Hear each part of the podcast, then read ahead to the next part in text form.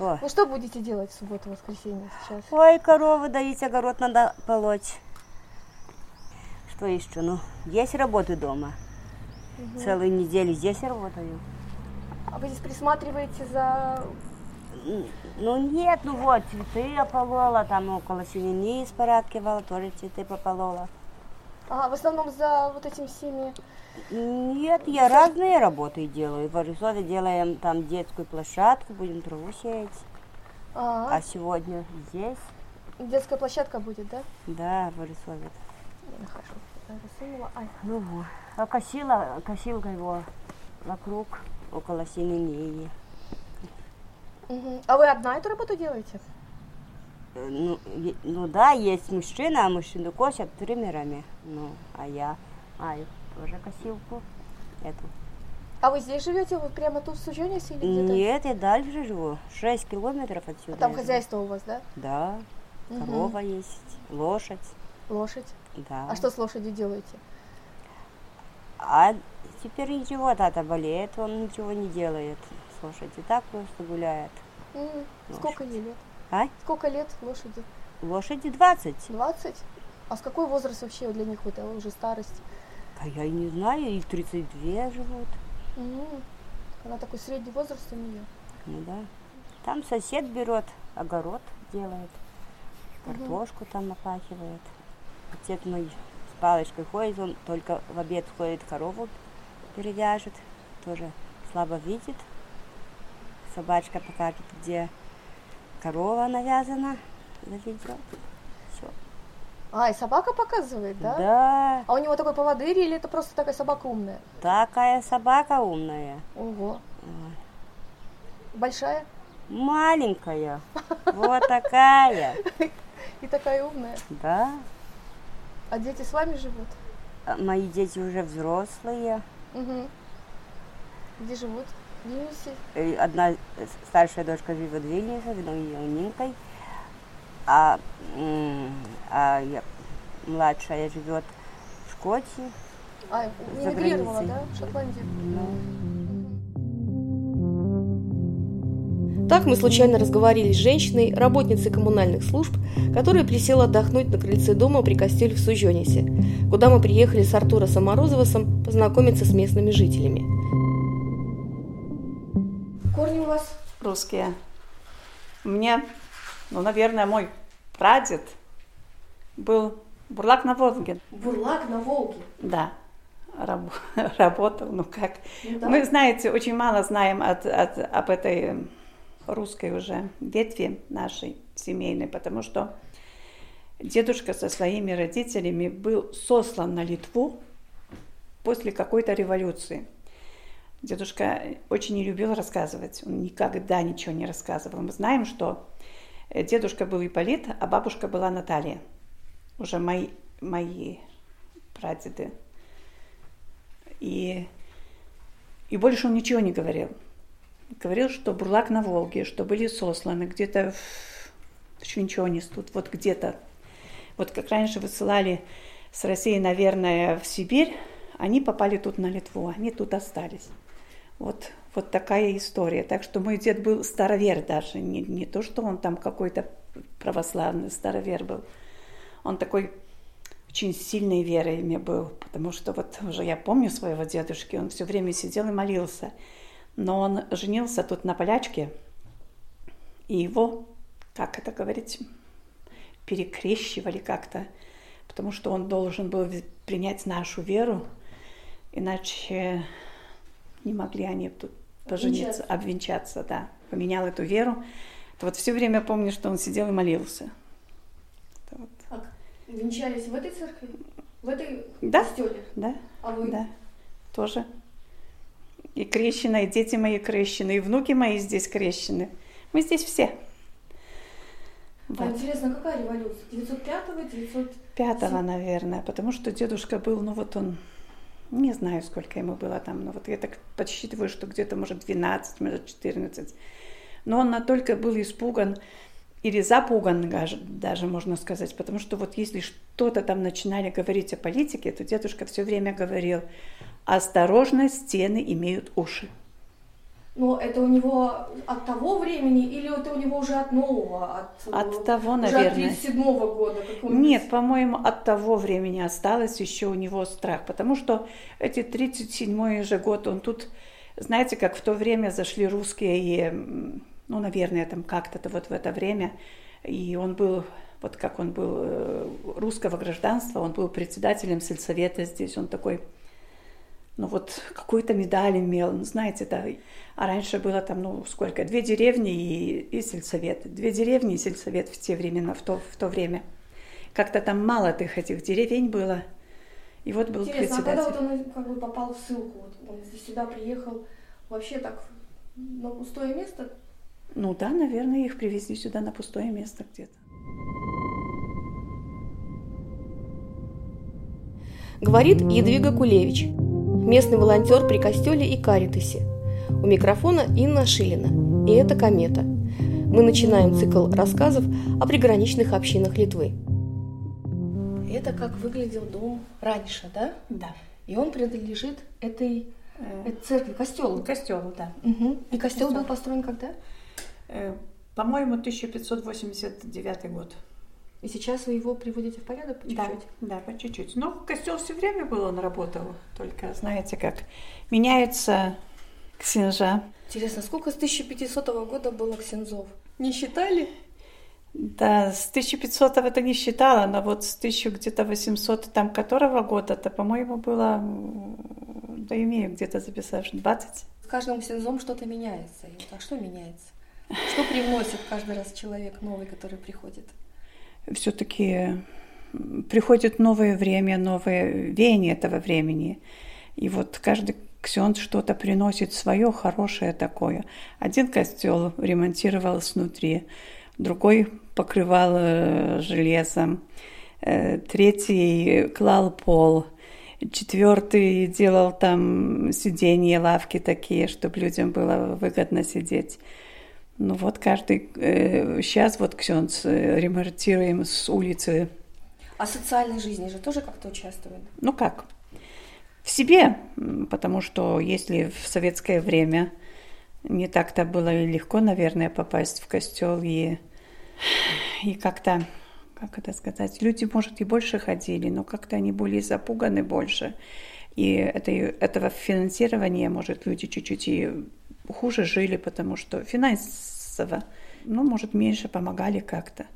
А сейчас люди неплохо выделяют денег, как они там спонсируют э, ремонты.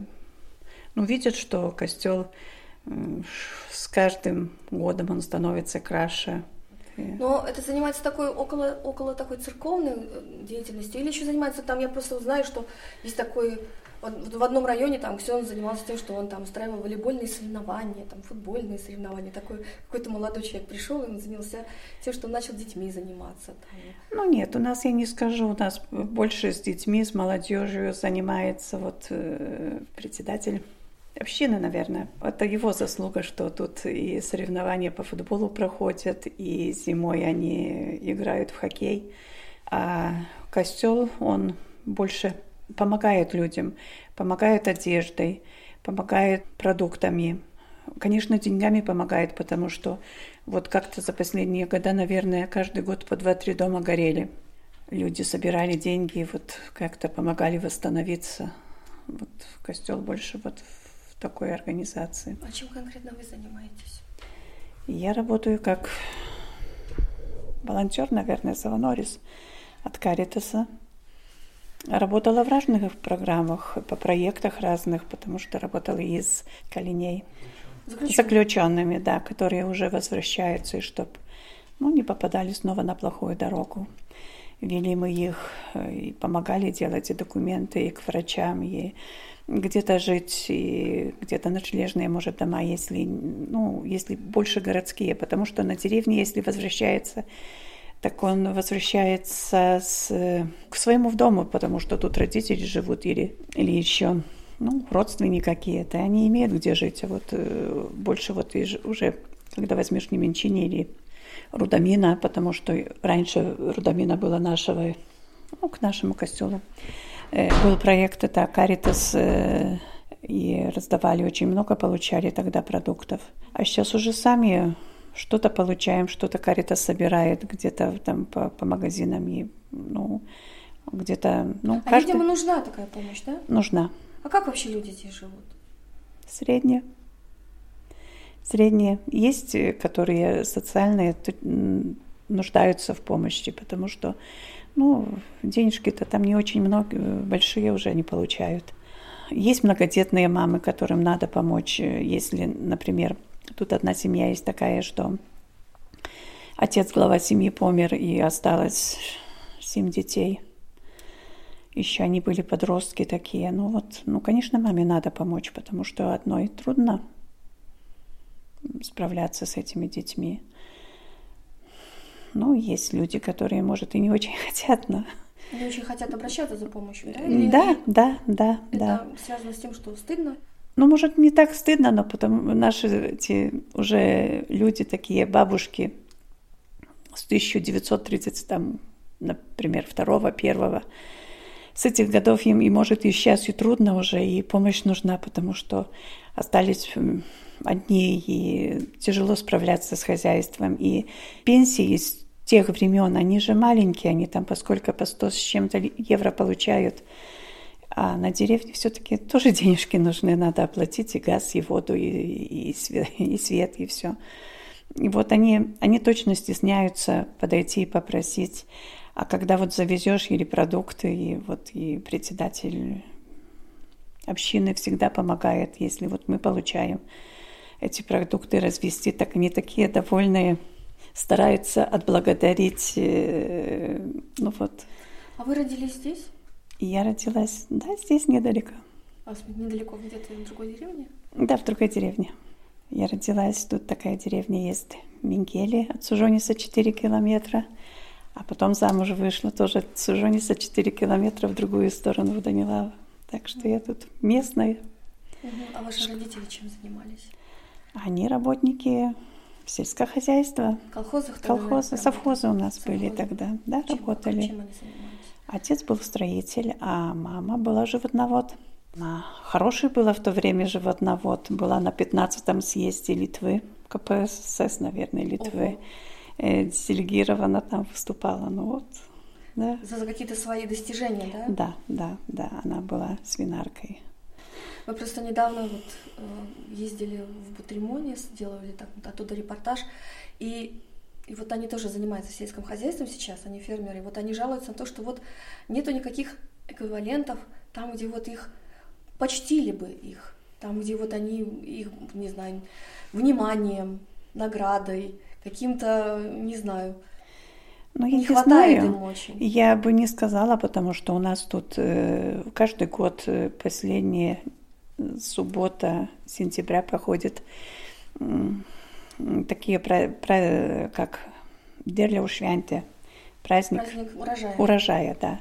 Это Вильнюсского района, самоуправление Вильнюсского района делает. И там самых лучших наших хозяевов награждают, они получают там и грамоты. И... Какие как... хозяйства здесь? Чем люди здесь занимаются? Ну, это полеводство и скотоводство. Это если коров держат, есть много держат коров. И, и сеют поля рожь, пшеница. Родились в деревне, да? Там 4 километра отсюда. Вы пошли там в школу или... Сюда, в Сужонис. Сюда ходили в школу? Да, вот в этом классе училась. А, кстати, а здесь класс, здесь школа была? Да, начальная. Ага. Там уже было старшие. А сколько классов было? Здесь, в этом, в этом доме, было 4 класса. Первые 4 класса а начальные. А сколько детей было в классе? Сначала у нас было 28. 28? Да. А как вот здесь вот прямо парты стояли? Да, вот парты вот так, вот так стояла парта, вот так стояли парты. Здесь таблица была. Таблица чего?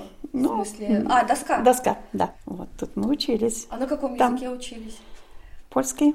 Польский, да? Польский, да. А дети все в основном поляки были или разные? В основном поляки а были. Кто еще был? В те времена, вот когда я пошла в школу, это 69-й год, 70-й, тут была польская школа и была еще русская школа с русским язык, языком а научания. Это рядом или прямо тут же? Вот вы проезжали, наверное, там а, такие. Да. Да. То есть русская тоже школа? Была, была. я училась в польской школе 11 классов, Нет, оканчивала в подождите, то а время. тут 4 в начальной, да? А потом Тут. куда пошли? Вот там. Еще, Вот это- там еще другая школа. Да, да, да. Мгм. Тут начальные классы были, а там уже были старше, там уже от, пяти- от, от пятого класса до одиннадцатого. То есть вы еще 11 класс успели захватить? Я да? успела, да. То есть не в 12 и Не-не-не. не 10. То есть не 10 и не 12, да? Нет, 10 русские кончали, а мы кончали 11. А, вот как. Вот с, это, с русским языком научания дети кончали 10 классов, а мы с польским 11 кончали. Красиво было, весело. Красиво, весело во- в начальной школе здесь или вообще? Вообще. А что было весело и красиво? Много нас было. Какие-то мы были более дружные, наверное. Сейчас какие-то они больше, более такие самостоятельные наши дети. Обособленные. Да, обособленные. А мы как-то всем классом проводили и, и встречи, вечера, и какие-то встречи Нового года, и какие-то КВНы. Это было все вместе, все как-то. А сейчас у меня вот внучка кончает здесь, уже в Сужонисе. Какую школу? Литовскую? Э, Нет, польскую, Польскую? тоже, да, Мгм. 10 классов. Вот я смотрю, они как-то обособленно точно, каждый себе. Так тяжело им. Нам Тяжело веселее им, было, да, да. Ну, они, может, этого и не понимают, что им тяжело. Они, наверное, считают Ну, это знаете, нормой. это каждые эти десятилетия, наверное, есть свои плюсы и минусы.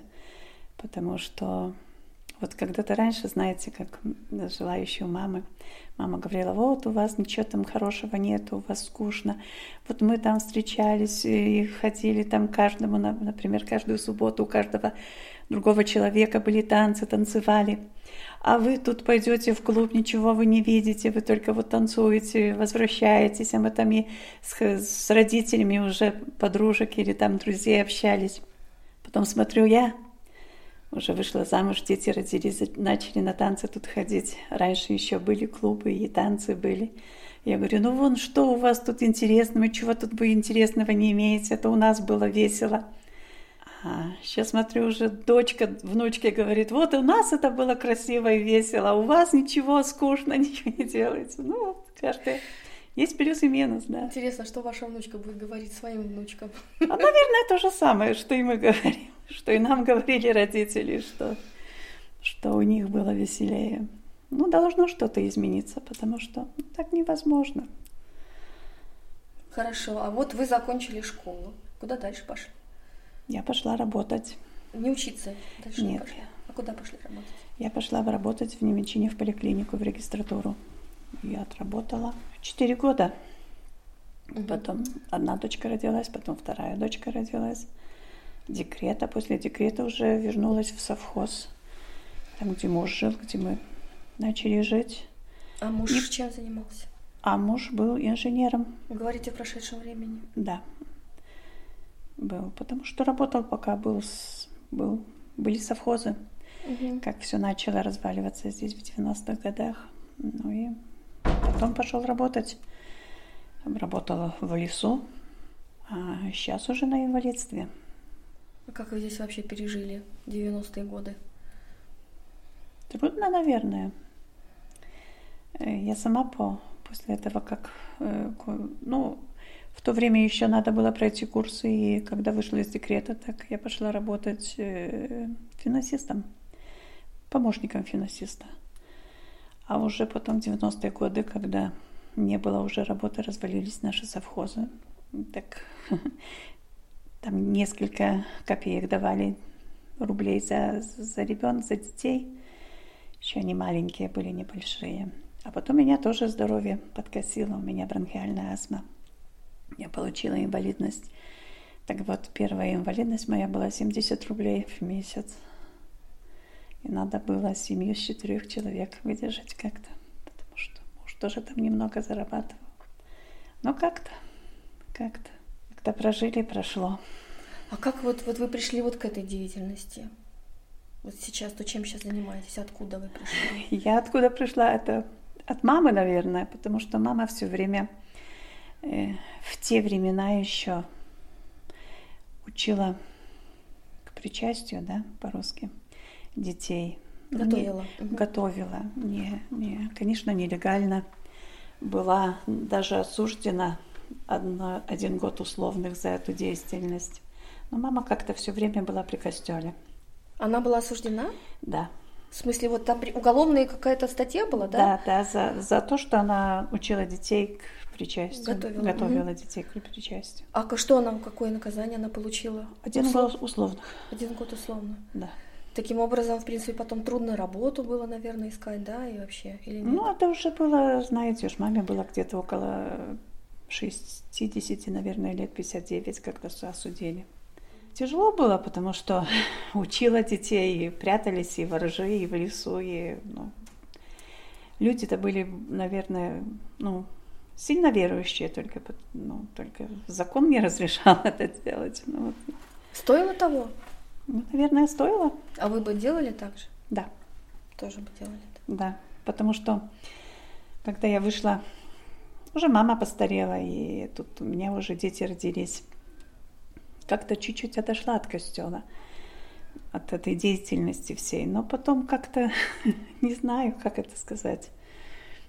Это, наверное, в крови смотрела, что тут ничего не получается, что тут начали меняться люди, что у нас как воскресенье вокруг костела идет процессия, как это по-русски точно сказать? Процессия? Процессия, Ну, да. шествие можно. Шествие можно назвать, вот. И тут начало все рушиться. Пришла к своему ксенцу старому и говорю, что ну вот тот, который был уже старенький, он у нас в то время был. И говорю, что не могу смотреть, можно я заберу уже после мамы, после тех всех людей. Так я тут и осталась. А потом уже в 90-е годы начал образоваться, наверное, это не, не государственная организация Каритас. Уже они 30 вот лет больше праздновали мы в этом году. И вот Ксенц попросил, что вот помоги вот привозить э, одежду. Раньше больше всего одежду привозили людям, и она была очень, очень в то время точно нужна, потому что очереди стояли, вот люди разбирали это, как на пальцах разносили. Ну вот и попросил, что вот помоги транспорт и привози. Ну вот я так, и- так я начала работать, так начала привозить эту одежду, раздавать людям. Сначала Ксенц помогал, он тут все забирал, а потом уже он старенький стал, попросил, чтобы раздавать. Так я и осталась. А этот дом, он горел, да? Это Ну, школа школа, горела, да. да. Вот эта Да. школа прямо горела. Да. А когда она горела? Это до того, как вы учились или после? Это, наверное, где-то, ну, наверное, до того, как я училась. М, Да, это где-то, наверное, 50, может, который А это что, из-за 60, пе- из-за который... печек, да? Ну, наверное, из-за печек, потому что было печное отопление. Да, тут было и школа, и классы были, библиотека была в этом здании. То есть еще в советское время. Это в советское время, да. А что в костеле было в тот момент, когда нельзя было верить? Стоял закрытый, костеле- Нет, костел работал все время, и людей очень много было. несмотря на то, что это было... Несмотря на то, что не разрешали, было очень много людей. И им родители приводили детей, крестили, и допускали к причастию. Все было. А как изменил, изменилась э, жизнь вашего города вообще за последние 30 лет, если сравнивать там, с Советским Союзом? Ну, очень много изменилось. Раньше здесь ни асфальтов не было, ни освещения не было. Э, И, конечно же, не, не смотрели так. Не обращали, наверное, внимания на то, как, как вот, ну, жили люди и жили. А сейчас как-то с приходом вот э, уже, может, Литвы, свободной Литвы, как-то больше начали, наверное, что-то принимать из Запада больше начало приходить. Начали э, асфальтировать дороги, э, освещение, э, уже начали порядковать, косить, сажать цветы, ну вот улучшать все, что... Ну, иначе... Я вот помню, училась, вторая смена была в школе. Это наши уроки кончались здесь, вот в Сужонисе, в 9 часов вечера. Но если взять это ноябрь, это ночь глухая. В 9 часов у нас тут шел автобус, мы доезжали до дома. И хорошо, что я около дороги жила, и недалеко мне было идти. Но мои одноклассники шли еще 3-4 километра домой. И они Это в какие годы уже были? Это 70 где-то шестой. Угу, Советский Союз. Советский Союз, да. Угу. Али вот тут болото было, тут грязно было, тут не освещение, не ну вот угу. как-то сейчас уже под порядкуют и вот наш э, сын нас староста опилинки наши очень много вкладывает э, в это улучшение. То есть э, стали как-то более благоустроенно жить, да? Да, да. А людей стало больше или меньше? Меньше. А куда все девались? Город. Город уехал. Раньше город, вот, мой, э, вот мой, мой уже выпуск, это 80-е годы. Мы же, наверное, 95% все ушли в город. Работать, учиться кто-то где-то. И только там несколько из нашего класса остались на деревне, живут и работают. Но они все равно учились. Там на механизатора учился, кто-то на доярку учился на бригадира какого-то полеводства. Но они вернулись в деревню, а где-то 95% одноклассников, они все остались в городе. А, а если... в эмиграцию уехал кто-то вообще? Если взять вот в это время, да. Время как Ну вот сегодняшнее, да, двухтысячные. Угу. Очень много уехало. Угу. Никто не вернулся? Ну, если и вернулись, то единиц. Очень мало вернулось. Вот даже вот, вот, это, вот это время, вот этот коронавирус, все равно люди не вернулись. М-м. И не знаю, может где-то, да, вернулись, но у нас, у меня соседка уехала, и, и дети ее, еще тут, ну, никто не вернулся. Все там работают, все остались. Опустела чуть-чуть, Опустела, да. да. Опустела. И школы, наверное, уже нет второй смены? Нет, уже давно нет второй смены. И, и, и осталась одна школа у вас или две тут? Тут две школы. Еще есть начальная, начальных классов литовская школа. Раньше было до 10 классов. Угу. И потом уже дети разъезжались или в Неменчине, в Литовскую, или в Антменишкес. А сейчас только 4 класса осталось. Нету деток ни в польской, ни в литовской уже. Очень мало. Здесь у вас книги. Что это за книги? Это один из ксензов, который который тут работал, и потом его в другую парафию где-то отослали. Пока что еще не собрал свои вещи. А, ты на другую парафию уехал? Да. А да. в какую? По-моему, где-то в Игналино, в ту сторону. А эти платья, почему они здесь висят? Эти платья, когда идет э, процессия, в воскресенье девочки приходят, переодеваются. Mm. Тут. То есть это не для причастия, это как бы просто для такого, для шествия? Для да? шествия, да. Mm. Для шествия. А это новые платья? Есть у вас, например, старинные? Э, нет, старинных нет. Не осталось? Как-то не осталось. Не знаю. Ну, вот не осталось. Как-то не подумали, наверное, чтобы оставить на, на память, что что-то было. Там порядковали, вот где колокольня. А там раньше висели, вот как-то спорядковали, посмотрели, что они уже непригодны к Э, к ношению, к одеванию. Вот и выбросили, сожгли, наверное, чтобы... А девочки с удовольствием участвуют вот в переодевании, в этом шествии? Э, маленькие, да. Им интересно, им нравится. Они, наверное, принцессами себя представляют. Маленькие, да. Угу. Уже постарше тяжелее с детьми, потому что они сейчас рано взрослеют. А маленькие, да. А вы сказали, вот вы занимались заключенными, а а много здесь у вас? Нет. Нет? Нет, не очень много. А в основном за что? Воровство, наверное. А из каких они семей? Это с разных. С разных. Я не сказала, что уже.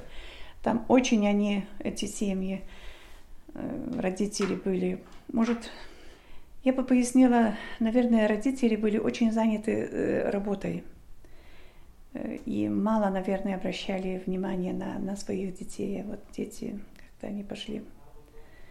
Легкого хлеба захотелось им, наверное. Ну вот и... Угу. Ну, раньше же можно было украсть 10 кило какого-то комбикорма и сядешь в тюрьму. Или там кирпичей 10 принесешь. Угу. никто там не так уж очень сильно не, не рассматривал это. Вот. А сейчас уже как-то там на исправление, по-моему, как-то иначе. А раньше своровал и получил, сел.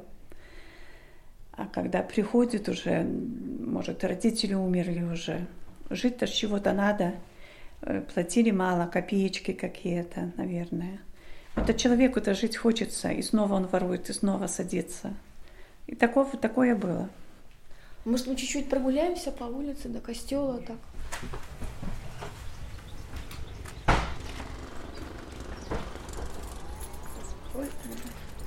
Ну вот могу рассказать, что вот, вот эта вся земля, это костел, э, принадлежит костелу. Вот это дом старый, где жил Ксенц. Угу. Тоже вот это вот вся земля, да. Тут нет, не закрыто. Мне нравится, что у вас такой ландшафт здесь, он неровный, вот такой весь холмистый. Тут сила надо. Думаю, больше ума надо. Тут сила нужна. Ну вот в этом году, это уже в девятнадцатом году, прихожане, да, угу. собрали денежку. И одну часть вот костела уже отремонтировали. Как-то получится, не знаю, после этого карантина и как это будет все. Как эта политика будет. Еще осталась одна сторона. Собирались мы в этом году строить, но не знаю как. Это все зависит от от людей, от прихожан, как они будут. Им тоже сейчас тяжело. Есть люди, которые остались без работы. Вот сейчас из-за коронавируса, из, да? Да, из-за коронавируса. Вот, чем они примерно занимались? Ну, шили, швеи. Угу. Вот от, об этих людях я знаю. Большинство, наверное, таких. А вот, вот этот край, в котором вы живете, вы чувствуете какую-то обособленность вообще от других? Вы сами или вас, может, считают так? Ну, наверное, что не считают вот э, нацменьшинства. Меньшинствам, наверное, надо пробивать все-таки свое место под, под солнцем. То есть вы себя считаете национальным меньшинством, да? Да, да. Ну, как-то так. Не знаю. Вот сколько лет мы боремся за то, чтобы писала, э, фамилии наши писали в нашем родном языке в паспортах. Мы же все... А как бы ваше имя, фамилия звучали тогда в паспорте? Ну вот в паспорте... Вернее, были бы написаны... Ну вот мо... моего мужа фамилия была бы Кулевич, а он сейчас Кулявичус. Но это же две разные фамилии. А ваше Совсем. имя как было? Или а ничего? у меня осталось Кулевич, я и есть Кулевич. А, а вот имя муж... так и написано? Ядвига, да. Угу. Но ядвига у меня, если по-польски писать, это, вот. это короткое Е, а тут через... А В какая Едвига? Э, тоже тоже литовская. Ну, должна была быть вот это да, дабл, да, да, да, да, это да, да, да. Ну вот. Э, потом название улиц. Вы бы хотели, чтобы были и на польском? Ну, а почему бы и нет? Ну, тоже э, какая разница? Ну, ну, это, наверное, политика, потому что, ну, пускай будет на литовском, пускай будет на польском, пускай будет на русском, на китайском, на французском, ну, какая разница? Ну, живут здесь поляки, ну, пожалуйста, ну, дайте написать эту улицу. Ну, довольно эмоциональные вещи все-таки, да. А вот еще какое-то особ... какие-то есть? Ну, я не сказала бы, наверное. У нас все-таки наша эта польская партия все-таки не очень-то дает нас, что побежали уж очень сильно. А, именно польская да, партия? Да, есть... да, угу. да. Ну, если бы ее не было, знаете, я не люблю политику, и о политике я не очень-то хочу разговаривать, но если бы этой польской партии не было, наверное, не было бы уже польской школы здесь, не было польского детского садика, потому что есть детский садик. Раньше была польская группа и, и литовская группа. Сейчас эти группы соединены. Я не против, что наши дети учатся, они должны учиться, потому что они живут на Литве.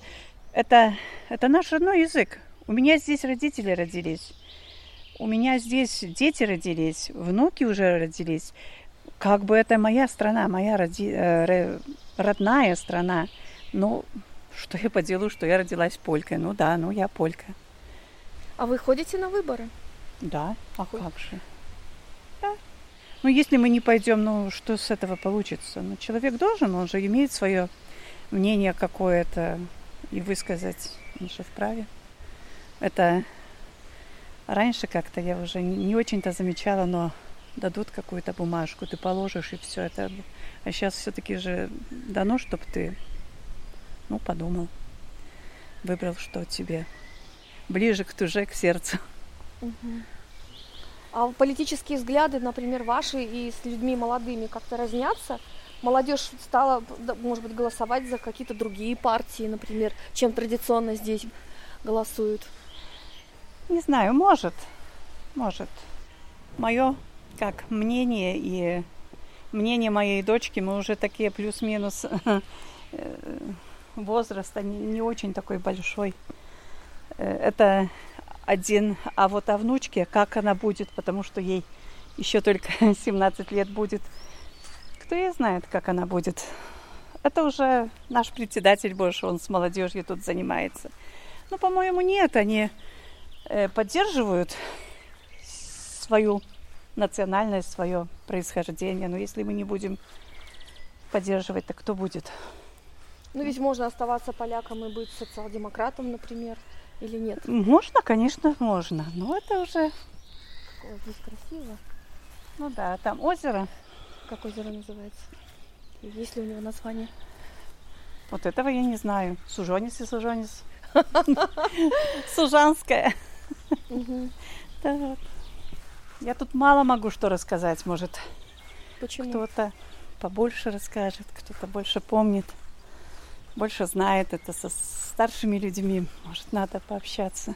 Вот, вот я и говорю, что вот сейчас вот уже присмотрено, все спорядковано. А раньше такого не было. Ну как не было? Сейчас здесь вот где сад, тут Ксенц картошку сажал себе в то время. В мое в 60-е, 70-е годы тут была огороды, картошка посажена. Гусей держал себе. Вот то, что я, то, что я помню. Что-то еще вам рассказать. Ужей вы- у нас здесь много. Вот. Кого? Ужей? очень много. А там видел барик есть. Он работает? Нет, А, это сейчас во время карантина перестал? нет, это уже до карантина. Я не знаю почему. Ну, наверное, нету. Знаете, тут где-то, наверное, пять лет тому назад уже закрыли танцы, закрыли клуб. А почему? Это все не нужно теперь? Или народу мало собиралось, или что? Не знаю, не могу сказать почему. Ну ведь этого же, наверное, не хватает. Не хватает. И Мне вот бы- эта вся потому молодежь, что- она должна в Вильнюс ехать. Ну, должна, ну, сейчас намного меньше молодежи, чем было. Вот. Намного меньше. Но бы хотелось, чтобы было. Хоть сколько бы не было этой молодежи, им где-то надо развлечь, надо. А тут сейчас у нас, если бывает так раз в год, это Йонинец, это Ивана Купалы, да, Угу. праздники чаще всего бывают. Ну, наверное, никто не хочет ответственности брать. А вот пожилые люди, вот у них есть какое-то место, где они могут собраться? Какой-нибудь, не знаю, не дом культуры, как раньше был, ну, еще какой-то аналог того, что было Но раньше. наш дом культуры тут стоит, есть, Есть чем там заниматься? есть, там есть ансамбль наш, э, Сужанянка, она уже много-много лет тут выступает. Там уже люди постарше, разных лет, среднего возраста. Вот они А вы не собираются. участвовали там? Нет. Нет? Не поете? Ну нет, пробовала, но как-то, знаете, это уже тут больше местные люди, а мне надо доезжать. В то время дети маленькие были, а сейчас уж я старенькая стала. Ну что тут еще есть для старших? Ну, наверное, и все. Здесь так мало сейчас вот народу вокруг, а потому что где-то работают в полях, что, где все люди? Где все люди? Или они сейчас в Вильнюсе на своих работах где-то? Больш- большинство, да, большинство уезжают в Неменчине, работают. Тут в швейном цеху на Вильнике. Э, работают в Вильнюсе, работают в Антавиляе. Это А что шьют там, кстати? Я не знаю. А в Антавиляе что там? А там э, Сенялю Гломосномей. Дом для престарелых, наверное. Наверное, дом для престарелых. Мгм. Очень много наших женщин работают там, досматривают. А вы Тут живете ещё. где-то тут? Вот? Ну, В ту сторону еще 4 километра надо доезжать. Мгм. А у вас там свой дом? Да. Огород? Огород, Что сажаете? картошку, морковку, лук. Ну, все. Капуста, горох, фасоль. Все, что только есть. Шпинаты. Помогает, да? укропчики. Помогает вообще так? Ну да, но очень много свое хозяйство. Посмотрите, вот мне лук не надо еще покупать. У меня уже и на перо есть, и еще старый есть головки. Картошку мы свою имеем. Еще не надо покупать. Борочки еще свои прошлогодние, выдержанные. Морковка, это все все натуральное. Заквасили? Нет, просто... нет, а, и вообще просто- выдержали, да? Да, Мгм. вот. Это все натуральное. Цветы сажаем. Земли немножко есть, но земля, знаете, у меня как уж больной, я сама не очень. Не сдаете, может, кому-то или просто стоит? Ну как, мы досматриваем ее, косим луга. Ну, где-то там 10 соток ржи стоит, потому что я занимаюсь, э, вяжу пальмы, это как верба. Ага. Вот, так вот мне рожь нужна. Э, так вот, сеем свою. Ну, картошка посажена. Ага. А вербы, там вы их продаете или Да, продаете, да, да, да. А у вас какой-то рынок здесь есть или куда вы ездите? На Козюки, Вильнюс. Да, Вильнюс? Так да, мы, может, там еще и встретимся когда-нибудь? Может, может быть, и встретимся. А вот говорите, ездим, с кем ездите? С дочкой, с внучкой, все мы Все работаем. вместе, да? Ну да, это семейный бизнес, потому что одному человеку очень трудно. А делаете их тоже вместе или как? Нет, это я. А, это я. вот- а вот как там вот эту рожь, все это снимать? Тоже все, все сама одна? Нет, уже тут помогают все травки, все цветочки по полям, по лугам. Ходим все, всей семьей, внучка, дочка, муж. Потому что ту вербу, когда делаешь, надо палочки такие, это уже в лес, это мужнина работа. Вот так. Сушим вот уже завтра или послезавтра, как тут уже у нас получится, будем собирать рожь. Надо ее срезать, посушить, связать пучочками такими. В гости к вам приехали Гости к нам? с Заросей. Заросай. Малону.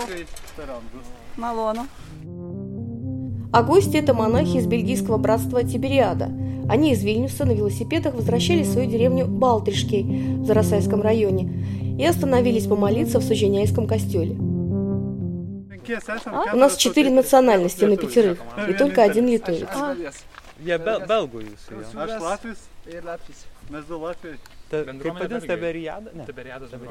А нам внутрь нельзя заглянуть, посмотреть через, через дверь хотя бы? А вот все вот эти вот м, иконы, и вообще все это, все это, это что-то сохранилось или это новое? Нет, это все то, что годами накапливается.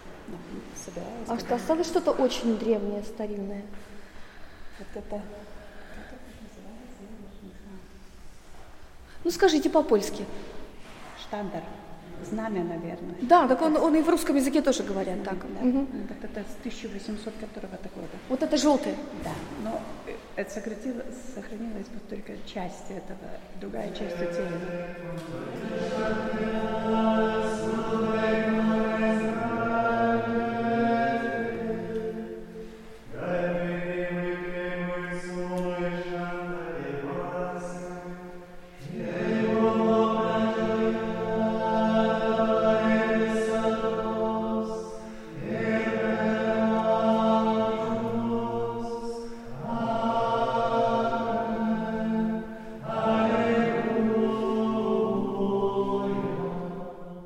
Конце нашего разговора Едвига разворачивает и показывает свои вербы. Однако.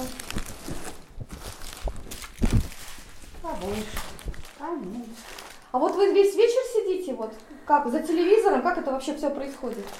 Это посидишь весь вечер. Тут сутками сидишь. Ну да, ну вот вы вот не, не всегда же можете целые сутки поэтому посвятить. Ну, когда на- начинается вязание, да, Угу. сидишь... Плетение, наверное. Плетение, да. Ага. Вот. Сидишь день-ночь, вяжешь. А иногда бывает конкретно событию, да, готовитесь? Иногда, ну это уже к базару. Иногда бывает, что и здесь на работе делаю. А это все настоящие цветы? Да. А вы их как-то консервируете? Как вы вот как Сушим. сушите там, да? Сушим.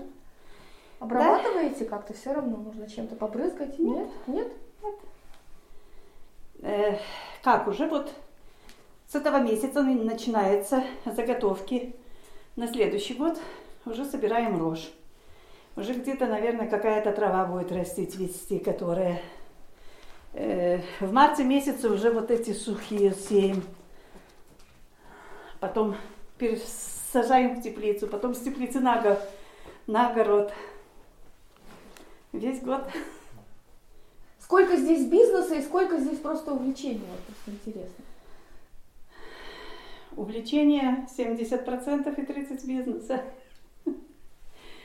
Потому что уже несколько лет они не поднимаются, э, цены этих верб вообще. Уже делать-то надо. Ну, поддерживать, поддерживать, Да. поддерживать без конца. Да. Я мало делаю, а у меня мужа тетя делает побольше, намного больше. Она делает по несколько тысяч в год. А у меня так только чуть-чуть. Не особенно-то есть. Но к нашей инвалидности, если где-то тысяча или чуть-чуть побольше, У вас какое-то индивидуальное предприятие, да? нет. Нет? Вы покупаешь место. Места дорогие. Места дорогие, я слышала, очень дорогие. А вот как добираетесь вообще до Вильнюса или до других мест? Ну, если возьмем там, где я живу, так идут только два автобуса, это 6 часов утра. И потом полчетвертого возвращается с города уже, э, с Вильнюса. То есть, А. если нет своего транспорта, то ты как бы все, да? Все. Ну, велосипед. А как часто тут на велосипедах ездят? Часто ездят, если от деревни к деревне люди ездят. А здесь уже в Сужонисе легче, потому что здесь, ой, два, четыре, пять, шесть, шесть или семь рейсов есть уже автобус. М. Вот. То есть за, за само Су- Да, но сейчас уже большинство же людей на машинах, на собственных. Так что они э, собираются, если, например, Вильника вот в Неменчине они шьют, так э, там по несколько женщин вместе ездят на работу. Если где-то мужчины, особенно в строительной фирме где-то работают, в городе, даже в Вильнюсе работают, так они тоже собираются и одну неделю одни возят, другую неделю другие. Ну вот на своих машинах, да? Без машины здесь уже так тяжеловато. Так вот эти вот бабушки, которые... А вот эти бабушки, ну что, ну если есть же дети, которые живут в городе, иногда приезжают, иногда соседи помогают. Все равно же есть где-то деревня или там, там Венкимис, это Хутор. хутор. Если хут- хутор, где-то все равно же деревня есть недалеко. И там люди с машинами. Как-то, я бы сказала, что деревня, она более сплоченна, более дружна, наверное. Если взять уже людей среднего возраста и пож- пожилых людей. Ну и молодежь дружит между собой тоже, да. Город, наверное, чуть-чуть иначе. А тут, да, заботятся один о другом завезешь, вот я как вожу продукты, и везешь их, они меня знают уже, когда мне было 5 лет, 6 лет. Эти бабушки обнимают, целуют тебя, э, благодарят за то, что ты вот привозишь, что ты не забываешь. Они там какие-то носочки делают своими руками, передают потом через знакомых, что вот-вот привезла, ведь хоть, хоть носочек, ну вот. Там у меня такая вот бабушка была совсем недавно никак не хотела. У нас э, с Польши привозили от какой-то организации. Тут такие ну, подарки с связанные пачки были. И раздавали мы эти продукты по, по- по этим бабушкам. Ну вот эта бабушка все время, она никак не хотела отпустить. Она, наверное, уже знала, что помрет, и больше она меня не увидит, я ее не увижу. Вообще хватило за руки, держит и говорит, что ну вот ты со мной еще посиди, вот ты со мной поговори, вот я знала твою маму, я там знала твоих родителей, вот как ты живешь, они все интересуются, как семья, как дети, как внуки. Вот такая приятно очень. За сердце так щиплет. Все, дождь. Хватит.